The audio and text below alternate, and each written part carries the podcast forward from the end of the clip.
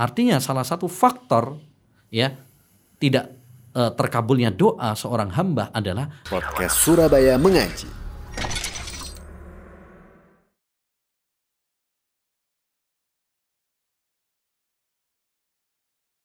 Bismillahirrahmanirrahim. Assalamualaikum warahmatullahi wabarakatuh. Alhamdulillah wassalatu wassalamu ala rasulillahi amma ba'du. Kembali lagi bersama kami di podcast Surabaya Mengaji yang membahas tema-tema yang menarik seputar keislaman. Bersama kita sekarang Al-Ustadz Abu Ubaidah As-Sidawi Hafidhahullah Ta'ala. Kita sapa beliau terlebih dahulu. Assalamualaikum warahmatullahi wabarakatuh Ustadz. Waalaikumsalam warahmatullahi wabarakatuh. Masya Allah. Gimana kabarnya Ustadz? Alhamdulillah, Sehat, masya? Allah. Masya Allah. Taib Ustadz. Nah, syariat mengenai berdoa Ustadz. Doa ini salah satu syariat yang Allah Ta'ala turunkan untuk Ya. umatnya. Nah, kira-kira doa itu sendiri Ustadz memiliki, eh, mohon maaf, doa itu sendiri apa kelebihannya Ustadz? Dan apa mungkin, ya mengapalah kelebihannya Ustadz? Demikian, silakan Ustadz. Ya, alhamdulillah wassalatu wassalamu ala Rasulillah wala haula wala quwata illa billah. Ma ba'du. Ya, doa termasuk amal ibadah yang sangat mulia ya. Mulia. Nabi SAW bersabda, ad-du'a huwal ibadah. Doa itu adalah ibadah yang paling inti. Bahkan Nabi mengatakan, laisa syai'un akramu inda wahi minad doa. Tidak ada suatu yang lebih mulia daripada doa. Kenapa? Karena seorang hamba ini butuh sama Allah Subhanahu wa taala. Ya.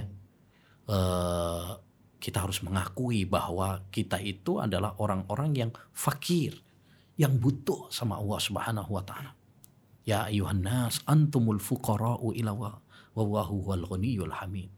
Wahai sekalian manusia, kalian adalah orang-orang yang fakir, yang butuh sama Allah Subhanahu wa taala.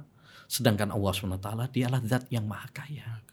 Jadi eh, kita disyariatkan untuk berdoa kepada Allah Subhanahu wa taala karena memang kita ini orang yang butuh sama Allah Subhanahu wa taala. Allah zat yang maha kaya, Allah zat yang maha mampu. Sedangkan kita adalah hamba yang eh, butuh sama Allah. Kita fakir, miskin, sangat butuh kepada pertolongan Allah Subhanahu wa taala, sangat butuh sama bimbingan dari Allah Subhanahu wa taala. Jangan merasa sombong. Makanya Allah mengatakan orang yang nggak mau berdoa sama Allah Subhanahu wa taala itu orang-orang yang sombong. Wa qala rabbukum ud'uni astajib lakum innal ladzina yastakbiruna an ibadati sayadkhuluna jahannama dahirin. Rob kalian mengatakan berdoalah kalian kepadaku. Sesungguhnya orang-orang yang sombong dari ibadah kepadaku. Yaitu orang-orang yang nggak mau berdoa. Itu orang-orang yang sombong. Ya, kenapa? Karena mereka ini butuh sama Allah kok nggak mau minta sama Allah. Allah itu bahkan masya Allah luar biasa ya. Kalau ada hambanya nggak mau berdoa kepada Allah, marah sama dia. Malam yas'alillah yaghdab alaih. Orang yang tidak berdoa kepada Allah, Allah marah sama dia. Ini menunjukkan eh, bahwa kita harus harus berdoa kepada Allah Subhanahu wa taala. Bahkan kita minta itu dapat pahala. Kan luar biasa itu.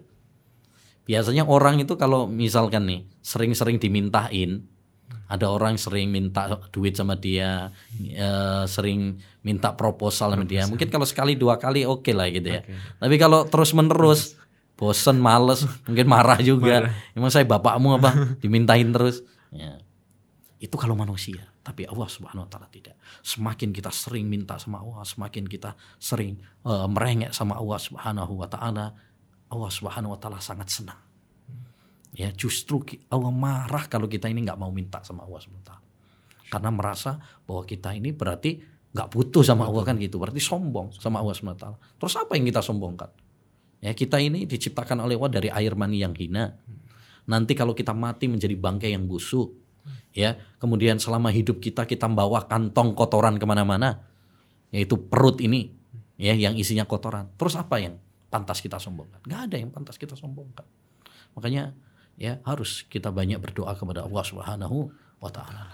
Nah, terus lalu kita melihat banyak fenomena-fenomena orang berdoa Ustadz. Mereka berdoa terus menerus pagi siang malam tapi nggak kunjung dijabahi Ustadz. Mungkin apa yang mereka mau itu belum belum terlihat Ustadz, ya, belum terlihat. Nah, itu apakah tetap dikabulkan Ustadz di sisi Allah doa doa, doa mereka itu Ustadz? Ya. Eh, Allah Subhanahu wa taala telah berjanji siapa pun yang berdoa kepadanya Allah akan kabulkan. Wa qala rabbukum ud'uni astajib lakum. Rob kalian mengatakan berdoalah kepadaku saya akan kabulkan. Dan Allah tidak akan mungkin ingkar janji. Itu poin inti dulu yang harus kita bawa. Yang fahami.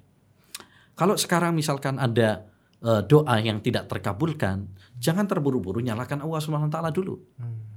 Ya. Koreksi diri kita. Bisa jadi ada eh, syarat-syarat dalam sebuah ibadah tersebut yang belum kita penuhi. Atau ada penghalang-penghalang ya yang kita terjang sehingga itu yang menjadi penyebab faktor kenapa doa kita tidak terkabulkan. Jadi kalau ada doa kita yang belum terkabulkan jangan nyalahkan Allah langsung. Enggak. Lihat para nabi. Ya, Zakaria ya berdoa kepada Allah SWT lama belum dikasih eh, anak oleh Allah belum dikabulkan. Enggak marah dia sama Allah SWT. Tapi dia terus berdoa. Ya, jadi terkadang Allah memang memperlambat ijabah doa itu ya untuk beberapa hikmah. Salah satunya supaya kita semakin merengek sama Allah.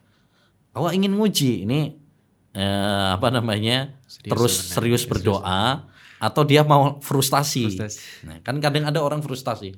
Ah percuma ah, doa. Saya sudah berdoa nggak dikabulkan kok. Da'autu da'autu falam yustajab li. Aku sudah doa tapi nggak dikabulkan. Nah, ini berarti dia putus asa. Putus asa. Tapi ada orang enggak. Yang penting Terus, saya berdoa kepada Allah SWT. Masalah dikabulkan enggak dikabulkan, yang penting saya berdoa. Karena eh, yang paling penting itu bukan terkabulnya doa. Yang paling penting yang harus kita pahami, ketika kita berdoa, berarti kita itu sudah beribadah. Sudah berpahala. Masalah dikabulkan enggak dikabulkan, itu tergantung Allah SWT. Allah tahu mana yang paling maslahat bagi kita. Terkadang orang nih minta berdoa, ya Allah, ya eh, berikan rizki kepada saya anak, misalkan. Ya, dia berdoa ini saja sudah dapat pahala. Nah, masalah dikabulkan atau tidak kita serahkan kepada Allah karena Allah yang lebih tahu mana yang paling maslahat bagi kita. Bisa jadi Allah nggak ngasih dia anak karena Allah tahu yang paling maslahat buat dia adalah dia nggak dikasih dikasih anak. Wa asa an takrahu syai'an wa huwa khairul lakum wa asa an tuhibbu syai'an wa huwa syarrul lakum wa wallahu ya'lamu wa antum la ta'lamun. Bisa jadi kalian membenci sesuatu padahal itu baik bagi kalian. Bisa jadi kalian mencintai sesuatu padahal itu buruk buat kalian. Allah mengetahui dan kalian tidak mengetahui. Jadi artinya kita harus husnudzon sama Allah Subhanahu wa taala. Jangan suudzon sama Allah Subhanahu wa taala. Ketika nggak dikabulkan doa, jangan langsung frustasi, jangan kemudian nyalahkan Allah Subhanahu wa taala enggak. Introspeksi diri kita. Ya, eh, mungkin ada eh, faktor-faktor eh, penyebab terkabulnya doa yang belum kita lakukan. Karena ada satu kaidah penting yang harus difahami. Al-ahkamu la tatimmu illa bijtima'i syurutiha wa intifa'i mawani'iha. Hukum-hukum itu tidak sempurna kecuali apabila terpenuhi syarat-syaratnya dan hilang segala penghalang-penghalangnya.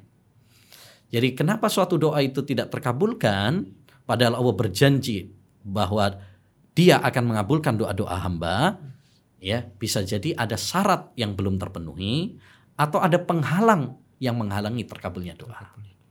Nah, begitu. Jadi intinya ketika eh, ada doa kita yang belum terkabulkan, ya eh, jangan frustasi dulu, jangan suudzon sama Allah SWT dulu, introspeksi diri kita dan yakinlah Anda tidak rugi dengan Anda berdoa. Karena dengan Anda berdoa itu sudah dapat pahala, terlepas apakah eh, dikabulkan atau tidak. Ya, bisa jadi nggak dikabulkan supaya Anda semakin banyak pahalanya dengan banyak doa. Banyak doa. Nah, gitu. Masalahnya di situ Ustaz. Iya. Tidak akan rugi. Nggak akan rugi Nggak akan kita rugi. berdoa itu. Masya Allah. Nah, sekarang tadi kita sudah mengetahui Ustaz. Ya, eh, mungkin orang yang berdoa tapi belum dikabulkan, dia ada mungkin syarat-syarat tertentu yang belum Ya. lengkap Ustaz. Nah, syarat-syarat itu apa Ustaz? Kunci-kuncinya nih agar mungkin doa itu bisa dikabulkan Ustaz di sisi Ya. Allah. Silakan Ustaz. Ya, seperti yang tersebut di dalam sebuah hadis dari Nabi sallallahu alaihi wasallam, "Summa dzakara rajul yutil safar, ash'asha akbar yamuddu yadayhi ila sama ya rabbi ya rabbi wa mat'amuhu haram wa mashrabuhu haram wa ghudhiya bil haram fa anna yustajabu lah." Nabi pernah menyebutkan ada seorang yang safar. Nah, ini satu nomor satu. Salah satu penyebab terkabulnya doa adalah safar. Doa orang musafir itu dikabulkan. Yutilus safar ash'asha akbar. Ash'asha dia berdebu, kucel. Ya. Eh, karena orang yang berdebu berarti menunjukkan dia betul-betul fakir. Dia butuh sama Allah SWT. Ini yang hal yang paling terpenting terkabulnya doa. Yaitu kita memohon kepada Allah itu betul-betul merengek dari hati, bukan cuma lisan saja. Kadang-kadang maaf kita ini cuma di lisan, tapi nggak meresap di dalam hati. Ya, jadi eh, orang yang berdoa kalau pengen dikabulkan itu betul-betul merengek, meresap dalam hatinya. Ya, eh, bukan cuma di bibirnya saja minta, tapi betul-betul dari relung hatinya yang paling dalam. Yamuddu yadai ilas sama. Dia mengangkat tangan sebagai pertanda bahwa dia betul-betul memohon kepada Allah. Seperti seorang pengemis yang yang mengangkat tangannya minta dikasihani. Ya, nah itu. Nabi Shallallahu Alaihi Wasallam pernah menyebutkan Inna wa hayyun karim yastahyi min abdihi idza rafa'a yadayhi ila sama an yaruddahu masifra. Allah itu malu kalau ada hambanya yang mengangkat tangannya kemudian kosong. Maksudnya nggak dikabulkan sama Allah. Malu.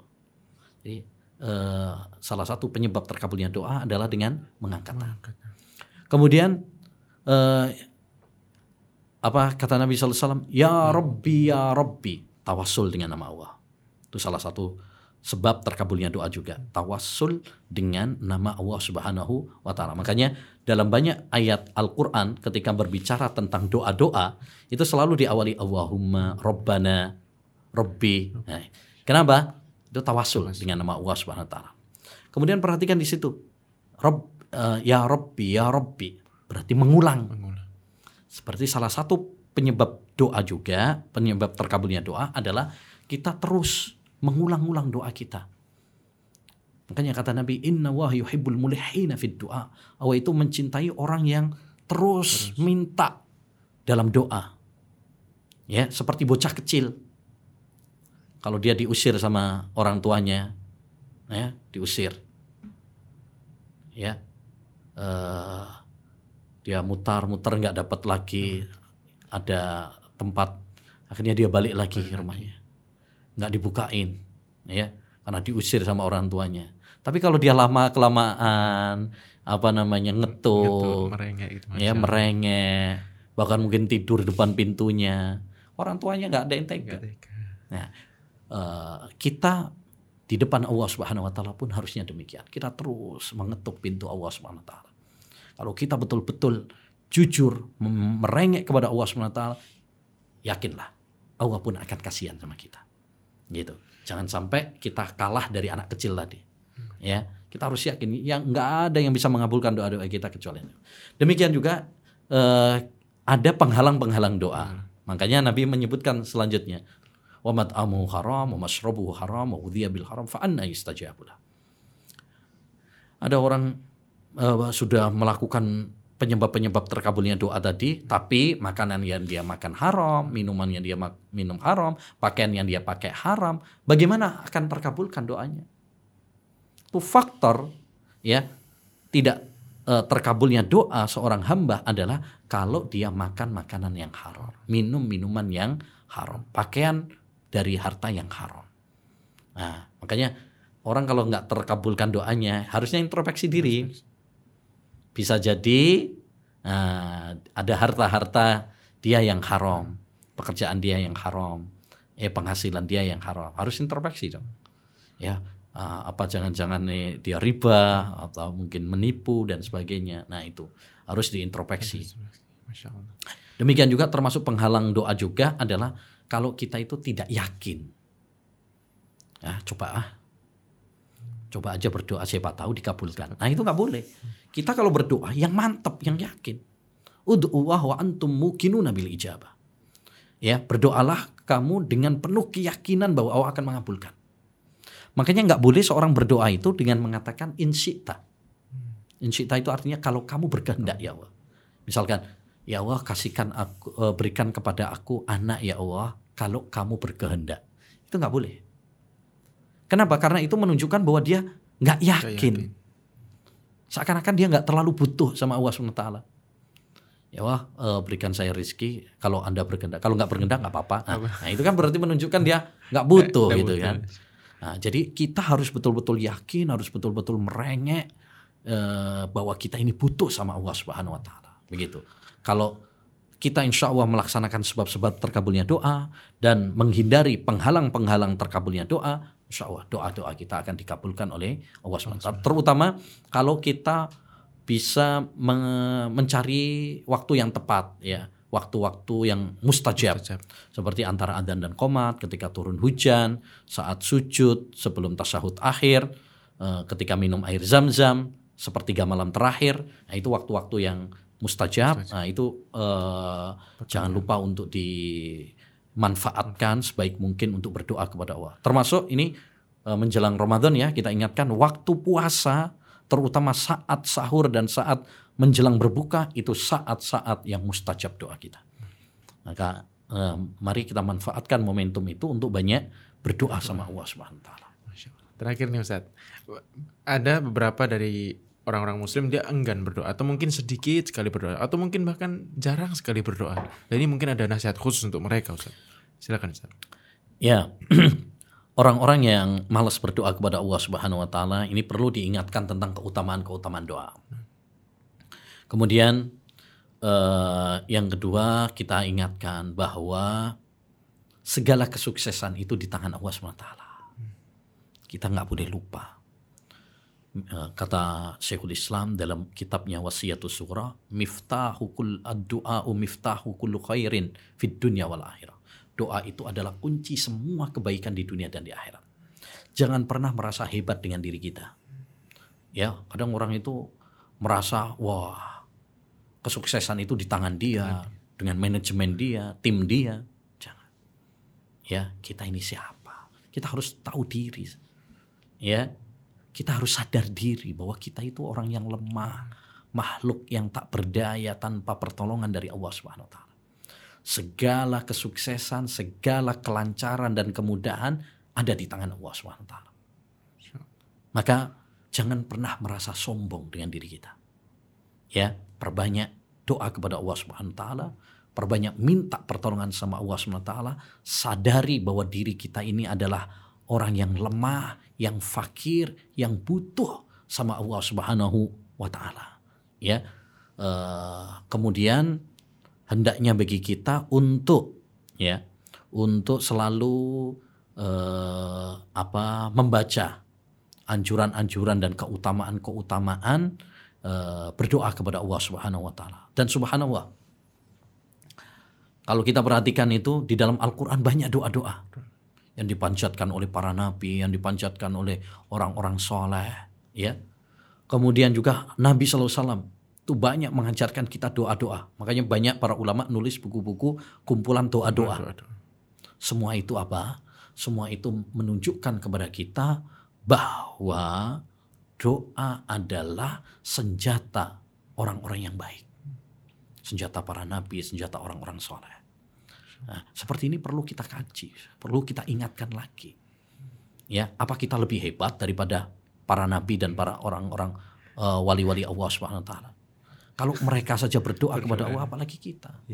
Ya, kita harus tadi merasa bahwa diri kita ini lemah, kemudian merasa bahwa eh, kita butuh kepada pahala, kemudian kita perlu untuk meneladani tadi para nabi dan para wali-wali Allah SWT dari orang-orang yang soleh. Masya Allah. Jazakumullah khairan Ustaz Ya. atas penjelasannya. Semoga bermanfaat bagi rekan-rekan sekalian. Dan kami sampaikan sekali lagi, jangan lupa perbanyak doa. Masya Allah. Sampai jumpa. Eh, ya, mumpung ini ya. Ini Siap Ustaz. Jumat asar, ya kan. Sekarang kan Jumat Asar. di asar ini waktu yang mustajab juga. Maka eh, kita ingatkan kepada para pemirsa juga eh, momentum hari Jumat, apalagi setelah asar ini waktu yang mustajab bagi kita untuk banyak berdoa kepada Allah Subhanahu Wa Taala. Ini waktu yang eh, diijabahi oleh Allah Subhanahu Wa Taala. Menarik pernah ada salah seorang ulama, dia buta, dia buta, ya buta lama gitu. Suatu saat di hari Jumat asar didatangi oleh murid-muridnya, kemudian eh, dia mengatakan, ya mumpung nih di hari Jumat, mumpung ba'da asar ini waktu yang mustajab, ya eh, tolong doakan syekh kalian ini supaya eh, diberi kesembuhan oleh Allah swt. Akhirnya berdoa kepada Allah swt. Habis itu dia bersin, bersin. Habis bersin, masya Allah, langsung bisa melihat. Bisa melihat, Masya Langsung bisa saat itu juga. Jadi ini maksudnya ini eh, untuk sekedar mengingatkan sekarang kita di hari Jumat dan di waktu pada asar ini waktu yang mustajab maka mari kita manfaatkan untuk banyak berdoa kepada Allah Subhanahu wa taala. Nah. Tapi dengan yakin Ustaz ya. yakin harus yakin. Harus yakin, Masya Allah. Nah. Jazakumullah khairan Ustaz. Masya Allah. Semoga bermanfaat bagi rekan-rekan sekalian. Jangan lupa berdoa. Sampai ber- sampai jumpa di podcast episode berikutnya. Assalamualaikum warahmatullahi wabarakatuh.